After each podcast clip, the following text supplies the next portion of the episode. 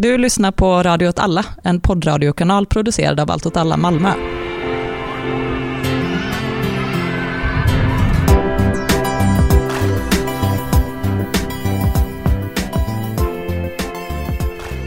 Gott nytt år och gott nytt decennium.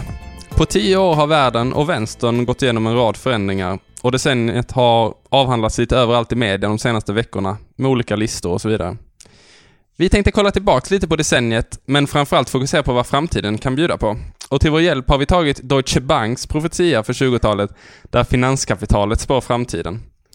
Dessutom har vi med oss Kalle och Martin. De senaste tio åren, vad tar ni med er från 10-talet? 10-talet som jag uppfattat det har ju varit väldigt definierat av liksom diverse politiska och ekonomiska kriser och uppbrott som har påverkat mig i sin tur. Jag eh, tror inte jag kan förhålla mig till det på något annat sätt än att prata om det som varit viktigt för mig. För att det känns som att det blir väldigt konstigt att jag ska börja prata om saker jag inte kan någonting om. Eh, men då tycker jag att liksom allt det som hände i efterskalvet av 2008-krisen, eh, den stora finanskraschen, har varit väldigt viktigt.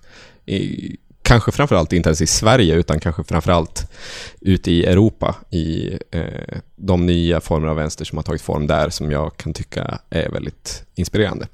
Eh, och de här upproren kan man väl säga har tagit väldigt olika former men de har alla också haft väldigt mycket gemensamt vilket jag kan tycka är ganska spännande.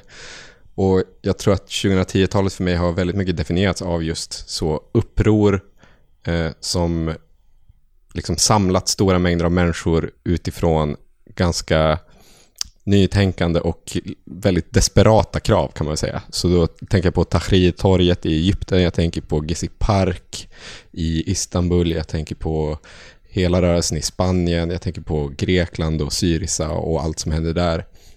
Men också Occupy Wall Street 2010-2011.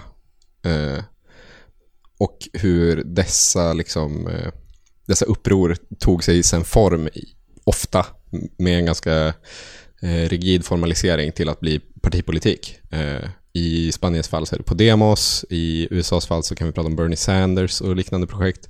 Eh, I Turkiet har vi HDP och så vidare.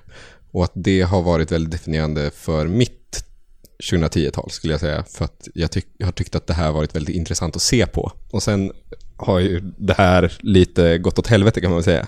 Nu, framförallt nu mot slutet av 2010-talet. Så då tycker det är väldigt spännande att tänka kring hur 20, nästkommande tiotal kommer bli. Om det antingen blir en baksmälla eller om det blir någonting annat. En återgång till upploppen kanske.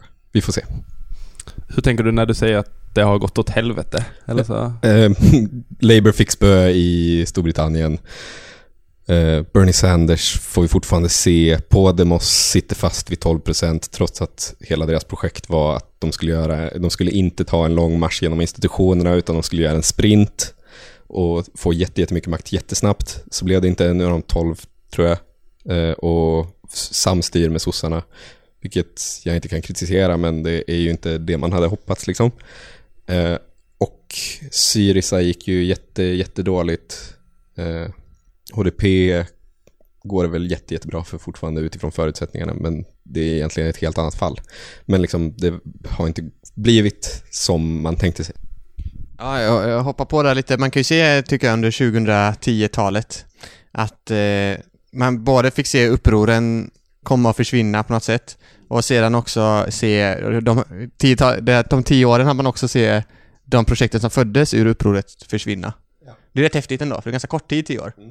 Men det som man kan tillägga där är väl att det är just nu en rad olika kampcykler runt omkring i världen med nya uppror i Chile, Libanon, Irak som också har eh, börjat nu och där har man inte sett slutet och Frankrike är ett sånt exempel och de upproren verkar inte heller vara lika enkla att, eh, att fånga i ett politiskt projekt som eh, de här torgprotesterna. För jag tycker ju också att det här liksom, populistiska tiotalet också har varit intressant för att det har det som har varit mest intressant med det är ju att man har sett eller iakttagit att det finns ett maktvakuum att mitten håller på att dö ut, den nyliberala mitten, och att man då försöker, försökt fylla det vakuumet med någonting helt nytt. Och det har ju varit en sprint. Och att man då dör ut inom tio år är ju lite ett underlag, skulle jag ändå säga.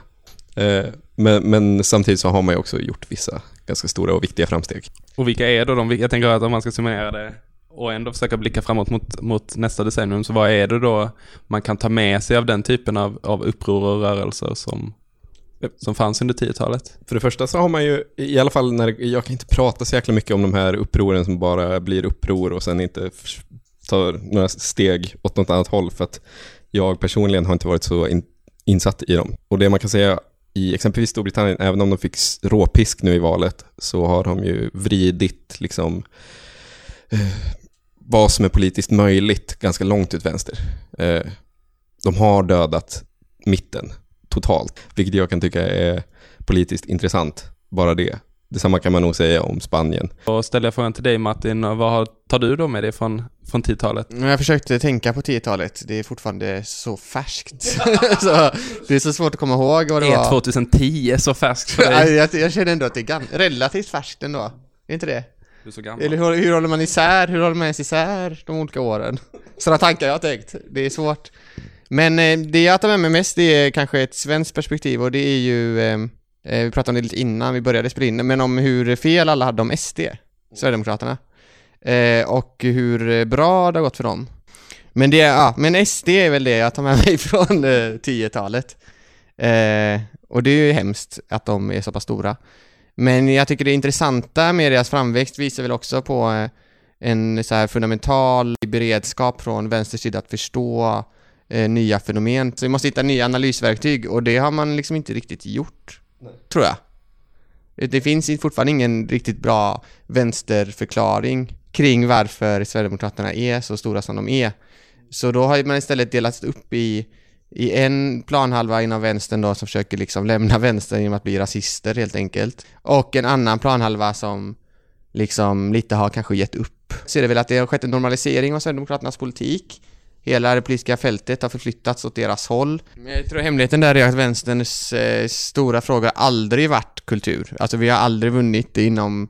Alltså arbetarrörelsen vann inte på grund av att vi eh, tyckte rätt om kulturella fenomen utan man spelade upp andra frågor. Men där, där man faktiskt lyckades under 2010-talet med att just undvika den liksom, kulturkrigssituationen, eller i alla fall skjuta upp den lite, var ju just där man tog ett vänsterpopulistiskt språng och liksom började prata om fundamentalt andra saker, tog ganska mycket kontroll över vad som var den politiska konfliktlinjerna i samhället. Eh, och då, för då tvingar man alla att spela på ens egen planhalva.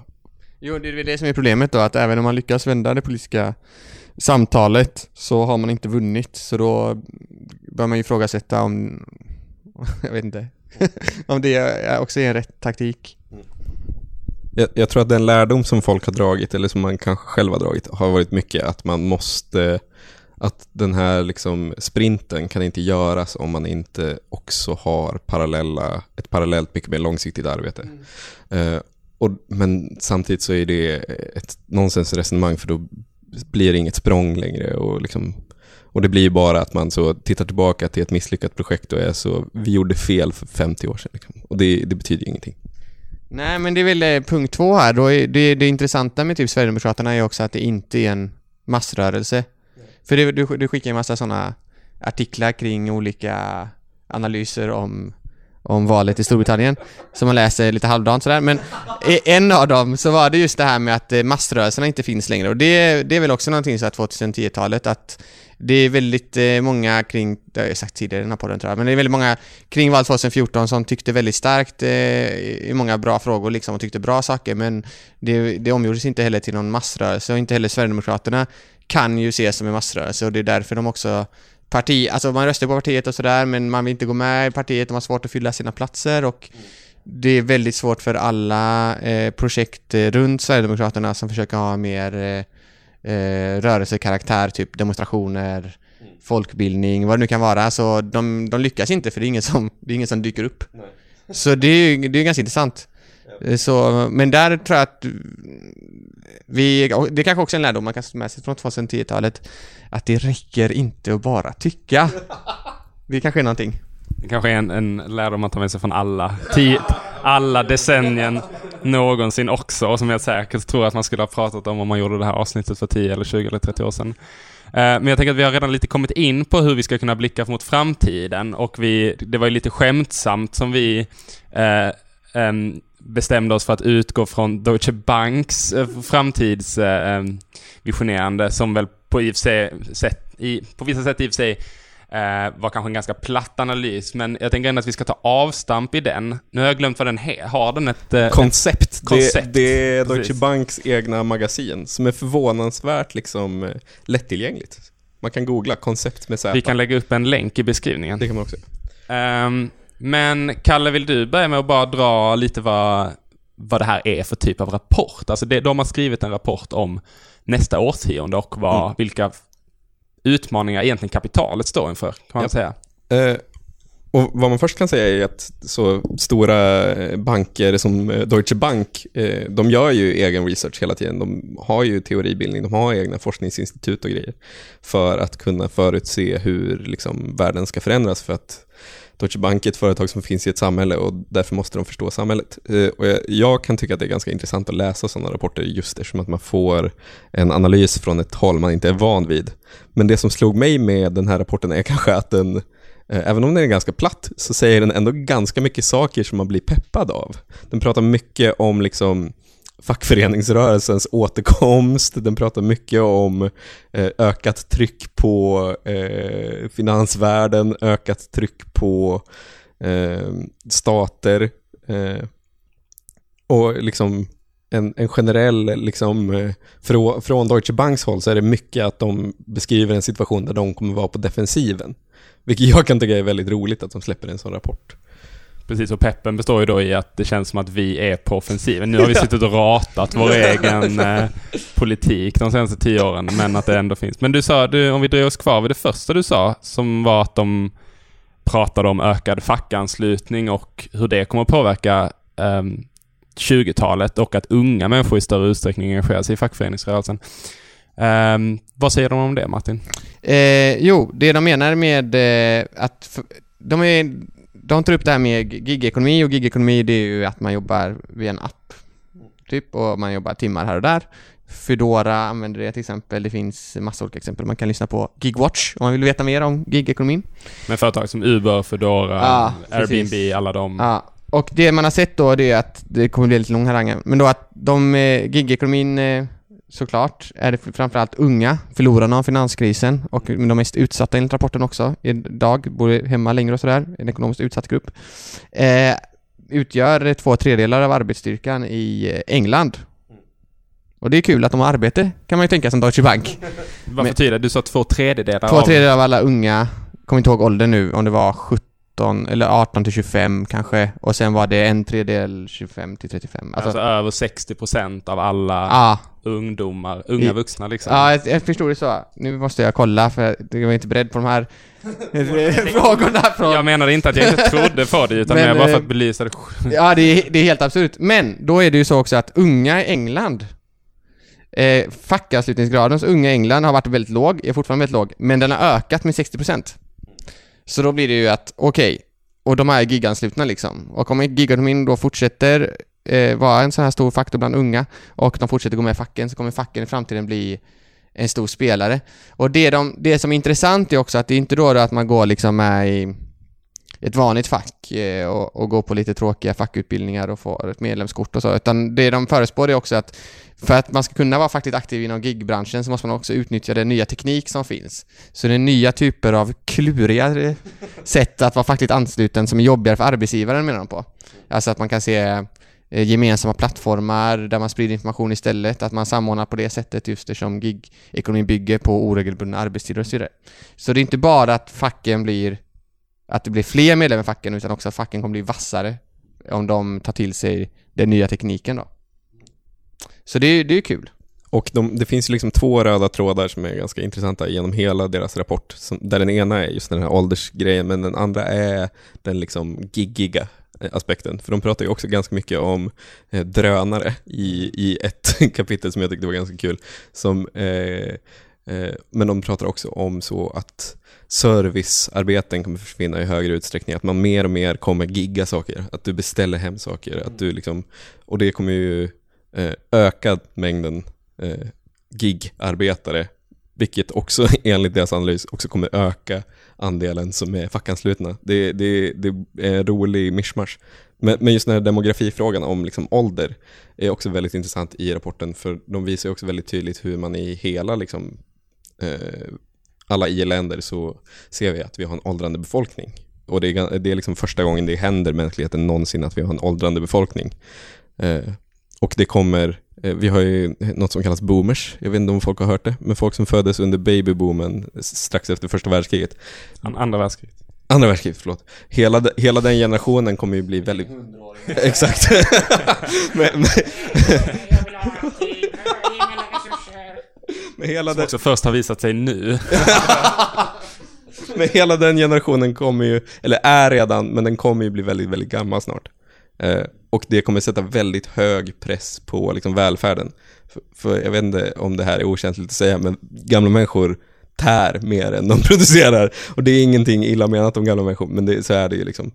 Eh, och det kommer ju skapa en helt ny situation för mänskligheten. Eh, och det kommer liksom sätta högre krav på välfärden. Eller inte alls. Alltså det kan ju också bli en jätterepressiv vändning, att det bara är att man exkluderar folk. Fast de tar upp det just med den populistiska vändningen också en återgång, eller en återkommande grej i artikeln att det liksom är en fara för det, det ekonomiska väsendet i världen att folk är, bryr sig om vad folk tycker liksom. För det är det som är populism. Och då är det också Politik. Ja, politik. Ja, precis. Men det är så här, ja, det är något nytt som folk har förstått det där med att man kan lyssna på vad folk vill. Och det, är inte bra liksom. Men då, då är det också att man måste börja lägga mer resurser på välfärden för att den här gruppen av överlevare från Flanders, eller vad det nu är, det här första världskriget, de, de kommer ju kräva att de politikerna satsar mer också på den här åldrevården liksom. Och om de utgör, vad var det, två tredjedelar av befolkningen? Två tredjedelar? Jag misstänker att jag hittar på det här, men jag tror det var två tredjedelar, en tredjedel, ja men det var sjukt många som, som tillhör den här gruppen som behöver alla typer av välfärdsinstanser för att liksom eh, ha en bra ålderdom. Har ett fungerande liv. Ja, och de kommer då utgöra en väldigt stor del av väljarbasen. Så, och om den här populistiska vändningen fortsätter så kommer ju de vara en väldigt viktig befolkningsgrupp att ta i hänseende för politikerna. Vilket kommer innebära då att man måste lägga massa pengar på dem. Vilket kommer att göra att staternas ekonomi kommer bli mer och mer ansträngd. Så, så det, är ett, det är ganska kul att läsa en artikel ur det perspektivet. Inte så här, vi måste ha de gamla utan problemet är att de gamla kommer rösta. Ja, precis. Man kan ju dels läsa det här, hela artikeln utifrån Deutsche Banks perspektiv. Men jag tänker, vad ställer det, det ni har pratat om nu, alltså vad det ställer för krav på oss inom vänstern, eller vad det ställer för politiska, eller vad det liksom målar upp för politiska utmaningar det kommande decenniet. Förlåt för att jag då återgår lite till Deutsche Banks perspektiv först. Eh, Men de, de säger också det väldigt, väldigt eh, roligt, att det kommer finnas två stora förlorare i den här demografiska förändringen och det är de som är unga, de få som är kvar, de få av oss som är kvar som är unga liksom. Eh, För att vi kommer bli lämnade därhän till viss del. Och de enorma mängder gamla som också lite kommer lämnas därhän eller kommer behöva kämpa för utökad välfärd.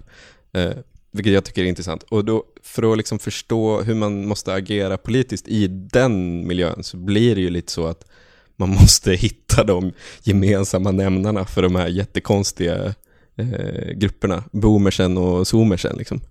Och vad är de gemensamma nämnarna för dem? Det vet fan. Ja, det var väl det som brittiska valet visade också, som ni tog upp eh, förra, ett av de förra avsnitten, att eh, just att det var en sån åldersskillnad på vad folk röstade på och att det var väl det som gjorde så att Labour inte vann. Ja. Att man förlorade gamlingarna. Så då måste man ju vinna tillbaka. Eh, men först måste man kanske vinna ungdomarna ordentligt. Innan man kan vinna dem, jag vet inte. Det som Kalle var inne på så är det ju en, en av de stora motsättningarna som de förutser 2020-talet kommer handla om. Det är just att den här gruppen unga pratade om innan som kommer bo allt längre hemma på grund av bostadsbrist eh, och eh, sämre arbetsmarknad eh, kommer liksom eh, clincha med den här äldre generationen då och enligt Deutsche Bank kommer ju den äldre generationen då vinna eftersom de är så jävla många. Eh, så det, det, det är liksom en framtid av gig, gigjobbande unga som är fackligt aktiva mot en, en eh, stor del av befolkningen som måste ha välfärd som är 20-talets framtid enligt Deutsche Bank. Ja, och samtidigt så är det väl också så kan man ju ställa upp det. Man kan ju också ställa upp det som att det är 18-25-åringar som också är i behov av den här, hur ska man säga, välfärden i form av eh, billiga boenden eller så. Så jag tänker att det finns ju ändå välfärdsanknytningar och behov av det i, i båda de lägren som nog är större än, hur ska man säga, den här mitten, de som kommer tjäna på det. Alltså gubbarna på Deutsche Bank. Ja, men han blivit lite hjärntvättad när man läser han kanske. men men det, det, det handlar väl om att hitta det som kan formuleras som antagonistiska reformer, alltså reformer som på något sätt liksom är på riktigt progressiva och underminerar samhället som det ser ut nu, men ändå är en väg framåt som förenar de här två grupperna. Och en så, sån grej som man skulle kunna tänka på direkt då, det är ju till exempel en medborgarlön. Tänker jag när man läser det. Alltså att det, att det och att givetvis bygga mer bostäder. Det är också, de tar upp en jävligt konstig vän där som är om ur urbanisering. Mm. För det är också ett faktum då att urbaniseringen är så här, den pikar just nu liksom, helt om då. Att det är liksom det är så jävla många som flyttar till städerna helt enkelt. Och det gör att eh, städernas eh, infrastruktur inte in, hinner med och det kräver stora satsningar. Men samtidigt kan man se andra pendelrörelser som är att eh, att eh, folk också börjat flytta ut för man kan helt enkelt inte bo i stan längre. Och med det nya 5G-nätet då enligt Deutsche Bank så kommer det underlättas att jobba hemifrån. Sen kan man ju undra vilka grupper det är då som det inte... De är ju helt jävla galna för Deutsche Bank också. Ska man ju, det får vi liksom ha med som en disclaimer för hela det här, för hela det här avsnittet. Hela svenska landsbygden kommer bara vara så youtubers. Precis. Och poddare. Helt sjukt att tänka sig att ungdomsgenerationen skulle flytta till till Staffanstorp. Glesbygden och driva podcasts. Det är ändå tio år fram i tiden. Som du sa Martin innan, att det känns liksom svårt. Vad är ens vad när man tänker tillbaka på, på de första fem åren av tiotalet. Um, och jag menar, senaste veckan gått från att eh, liksom tro att det skulle bli kärnvapenkrig i, mellan Iran och eh, Eh, USA, eller många har, har tänkt i de banorna nu, eller nu när vi spelar in det här så har i alla fall Trump precis haft sin presskonferens där han har sagt att han ska bemöta det med sanktioner och det kanske tyder på att det inte är krig på gång direkt nu. Vi får väl se vad som händer och vi får väl se vad som har hänt när den här podden släpps. Um, men vad jag tänker som ändå, och det kanske de inte tar upp så mycket i, i rapporten, men det som jag ändå tänker kommer ligga som ett som en blöt filt över 20-talet är ju ändå den här eh, idén om, om den totala undergången. Och den tycker jag dels finns i till exempel den här, alltså bara det som vi har sett de senaste dagarna, alltså typ att man typ inte ens känner sig förvånad och jag tycker typ också att man har varit ganska blasé inför att det är en skitspänd stämning mellan en sån helt galen superstat som eh, USA, en helt liksom galen eh, eh, president och Iran som också är liksom svarar helt eh, oförutsägbart typ. Men också med klimatet, för jag kan ändå tänka mig att även som du säger att fossilkapitalet och kapitalet generellt kommer ju alltid ta för mycket skada för att egentligen liksom göra det. Jag tror att kapitalets stora problem nu är typ att de ska hitta tillräckligt mycket gröna obligationer och stoppa in i sina fonder så de ska få vissa märkningar. Alltså det tror jag egentligen är deras stora på något sätt. Eller liksom så, hur ska man egentligen, när man vill stänga eh, den här, vissa typer av el, hur ska man då få el till sina... Alltså, det är det de brottas med. Men jag tror ändå att det kan bli så efter ett, efter ett par liksom så storbränder när liksom hela Tysklands skogar brann ner. Alltså så här, jag tror ändå det kan komma sådana punkter, eller de här liksom upprepade väldigt stora översvämningarna. Jag tänker ändå på Australien just nu som har haft två år extrem torka. Och där typ väldigt stora delar av landet brinner. Och liksom så att det sätter ju ändå, jag tycker nog ändå att det sätts i ett akut skede just nu och som ändå är lite annorlunda, tänker jag, än andra. Men det, det, är en intressant aspekt att ta upp också, för de tar upp det i den här artikeln också, det är det så här återkommande liksom, att ja, men miljön också på något sätt skulle innebära en ökad investering i, i det offentliga. Och det är hemskt för att öka inflationen, det är liksom en återkommande tema här i, i artiklarna. Men eh, för, för det tycker jag också kan vara, jag tror det, jag, jag tror ganska starkt, jag kan inte sätta, kommer jag inte sätta mitt liv på det så, men eh, för jag kommer nog överleva hela 20-talet. Men, men... Inte om eh, du tror på Kalle. nej, nej, kommer alla brinna upp. Men eh, då, då, jag tror att en, en sak vi kommer se, det är också en vändning bland borgerligheten, för man har, liksom, vi har pratat mycket om ja, men hur liksom mitten har förflyttats eh, högerut och så vidare, men det innebär ju också att den här perioden där man säger att staten inte skulle, där staten skulle sälja ut allting och där staten eh, inte ska investera och så vidare, att den nog också tar slut. Så vi kommer nog kunna se också en höger eh, i Sverige, men också i Boris Johnson har vi också snackat om det, liksom en höger som också börjar investera. Eh, dels för att undvika att vi brinner upp, men också för att tillgodose de här populistiska vindarna för att vinna val. Så eh, vi kommer nog, det, och det kommer bli, jag tror det kommer bli vänsterns stora utmaning för då, då, då tar ju också högern fördelningsfrågan. Precis, Och- tar ett av de verktygen som vi traditionellt haft. Exakt, och då, då blir det intressanta liksom, hur, hur ska man hantera någon typ, ny typ av eh, konservativ välfärdspolitik liksom? För det kommer ju vara samma rasism, men man kommer kunna erbjuda rasism med, eh, ja, med lite bättre pension kanske. För, för så 2010-talet var väldigt mycket en nostalgitripp för väldigt, väldigt många. Att det var eh, att man blickade tillbaka så, Make America Great Again. Och så tänkte man så på någon vag tidpunkt när America var great. Och detsamma med SD, de, de vill tillbaka till någon slags form av socialdemokrati som är helt odefinierad, så därför får de själva hitta på vad den innebar. Eh, men även för vänstern har det ju varit väldigt mycket så att man, det är så, vi måste, sossarna, socialdemokraterna måste bli socialdemokrater igen. Vi måste ha ett nytt miljonprogram. Eh, Moderaterna gick från nya Moderaterna till, Ja. tillbaks till gamla till, Moderaterna. tillbaka till gamla Ja. Moderaterna. För, för Alliansen var ju extremt eh, lite nostalgi. Det var ju 100% framåt, tänk och pepp och eh, go liksom. Eh, då är frågan om 2020-talet kan fortsätta vara så nostalgiskt. Men jag, jag tror inte vi har råd att vara nostalgiska mer. Alltså så, att man har kommit till en punkt när man inte längre kan eh, blicka tillbaka eller tro att man kan vrida tillbaka miljöförändringarna med hjälp av nostalgi. Eller vinna över eh, högen med hjälp av nostalgi. Utan jag tror det krävs liksom, eh, ja men, nya idéer och nya sätt att tackla kanske samma problem som innan egentligen, men men att det krävs någonting som blickar framåt. Och det är lite tråkigt då med Labours förlust, eh, att de hade ju ett sånt program men misslyckades helt med att eh, vinna på det. Men det, jag tror däremot att 20-talet som du säger kommer vara en period där vi, ja, där folk tvingas, precis som att högern då kommer ju antagligen då när de säger att de ska investera i infrastruktur, hitta ett nytt språk att förklara det på liksom. Så kommer det också krävas av andra sidan. Alltså sociala medier är någonting som också har eh, blivit viktigt, eller var viktigt under 10-talet. Med Facebook till exempel. Nu låter du extremt mycket som en gubbe. Ja men det, är- det är helt sant. Ja, och, absolut. men också att Kör jag eh, har sett slutet på Facebook antagligen. Eh, början på slutet ja. Hur tänker du då? Ja men att vi, det tappas en massa Alltså aktiviteten går ner och det börjar stagnera och där är det också en åldersfördelning som gör sig gällande liksom att de unga flyr och det kommer nog inte komma någon ny sån superapp som kommer vara lika stor antagligen. Facebook är väldigt intressant just eftersom att det bara är boomers kvar. Liksom. Eh, och vi andra har kvar våra konton och använder det sporadiskt för att ta in vad boomers tycker generellt. Det är min Facebook numera. Liksom.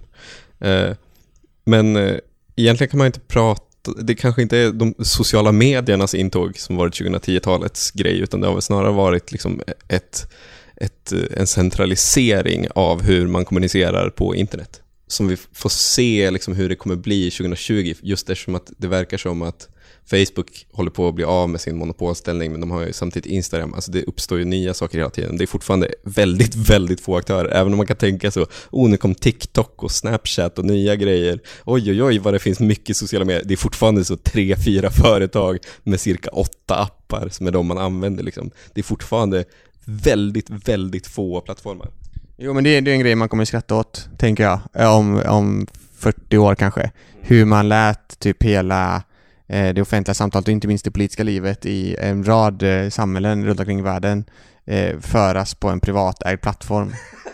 Ja, både och. Det är väl också typ en dystopisk beskrivning av 2010-talet. Alltså med det, alltså den typ påverkan och så som det har inneburit. Det som, det som jag menar att folk kommer skratta åt det är just att man liksom helt gav över kontrollen över någonting som är bärande för hur man förstår hela sin omgivning till en privat aktör. Och det, det förhoppningsvis kommer det vara så, att man, att man skrattar åt det.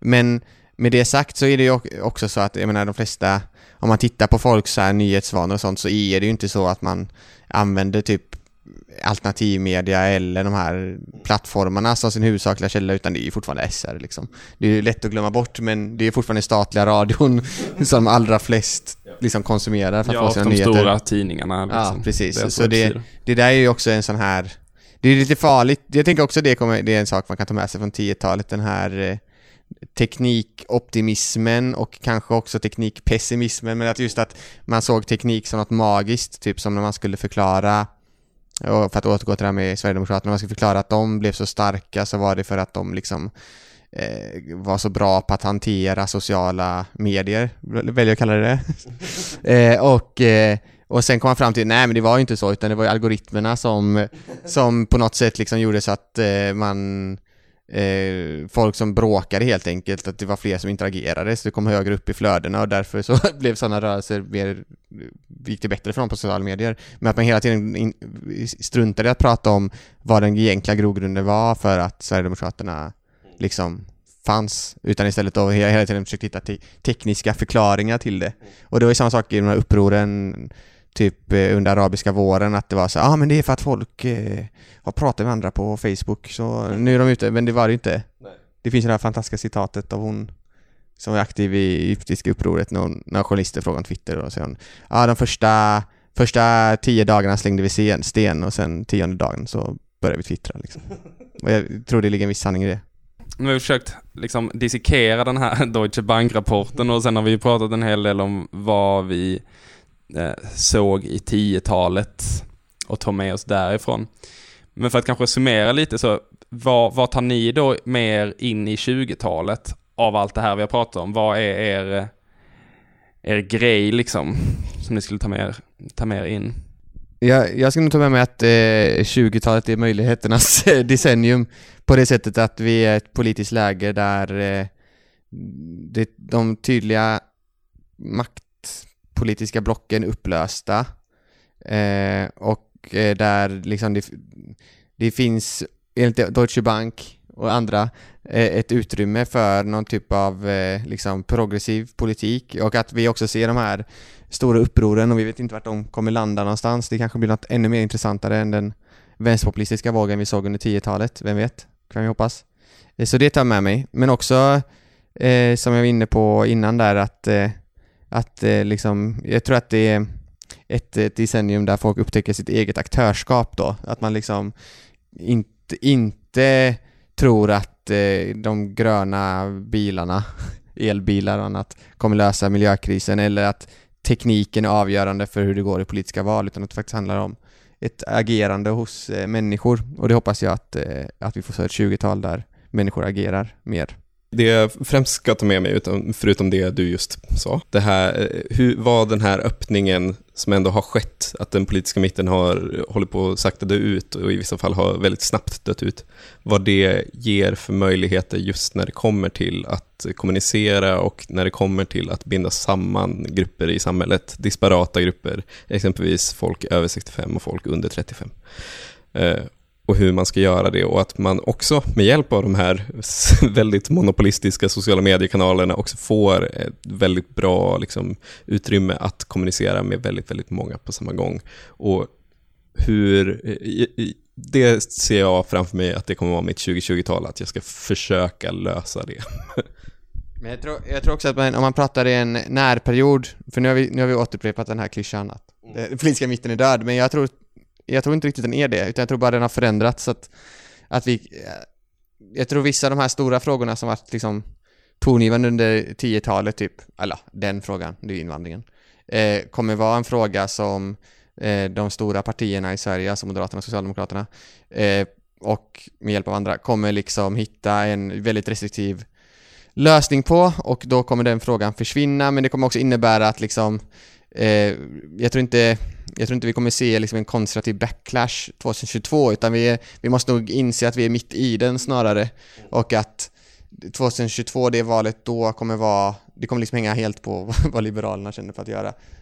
Men jag tror också vi kommer se fram till det valet, jag vågar inte prata mer än fram till det valet, men jättemånga fler välfärdsstrider. För vi har väldigt många kommuner på lokal nivå som har eh, bräckliga politiska majoriteter. Så det har vi sett i både Göteborg och Malmö att när de har försökt göra nedskärningar, om det finns tillräckligt många som sätter sig emot det så, så får de dra tillbaks dem för då kan de andra partierna på lokal nivå liksom gå samman då för att, eh, för att eh, sänka de förslagen. Sen behöver de sen, jag menar det var väl, modera, det var väl Moderaterna här i Malmö som var emot skolnedskärningar och det brukar de inte vara. Utan det är bara det är också ren, det som Deutsche Bank kallar populism. Men men eh, det är väl det som vi kan se framför oss de här två åren. Så jag tror det är väldigt viktigt att, att finnas i välfärdsfrågor men då inte glömma bort det vi sa tidigare om att eh, också hitta liksom bra berättelser och bra idéer på hur man kan göra välfärd på ett nytt sätt. Det tror jag kommer vara en utmaning som vi måste brottas med de kommande två åren i alla fall. Skapa en berättelse om hur vår välfärd är bättre än eh, Boris Johnsons välfärd. Så bra välfärd, bra berättelser, bra idéer. Ja. Det är 2020-talet. Det är 2020-talet. Ja. Jag tror att eh, vi går mot ett, eh, ett mörkt decennium med mycket möjligheter. Det tror jag också. Just nu är vi åtta dagar in. Ehm, så vi får väl se. Det är ganska många dagar kvar, både av det här året och av, av decenniet.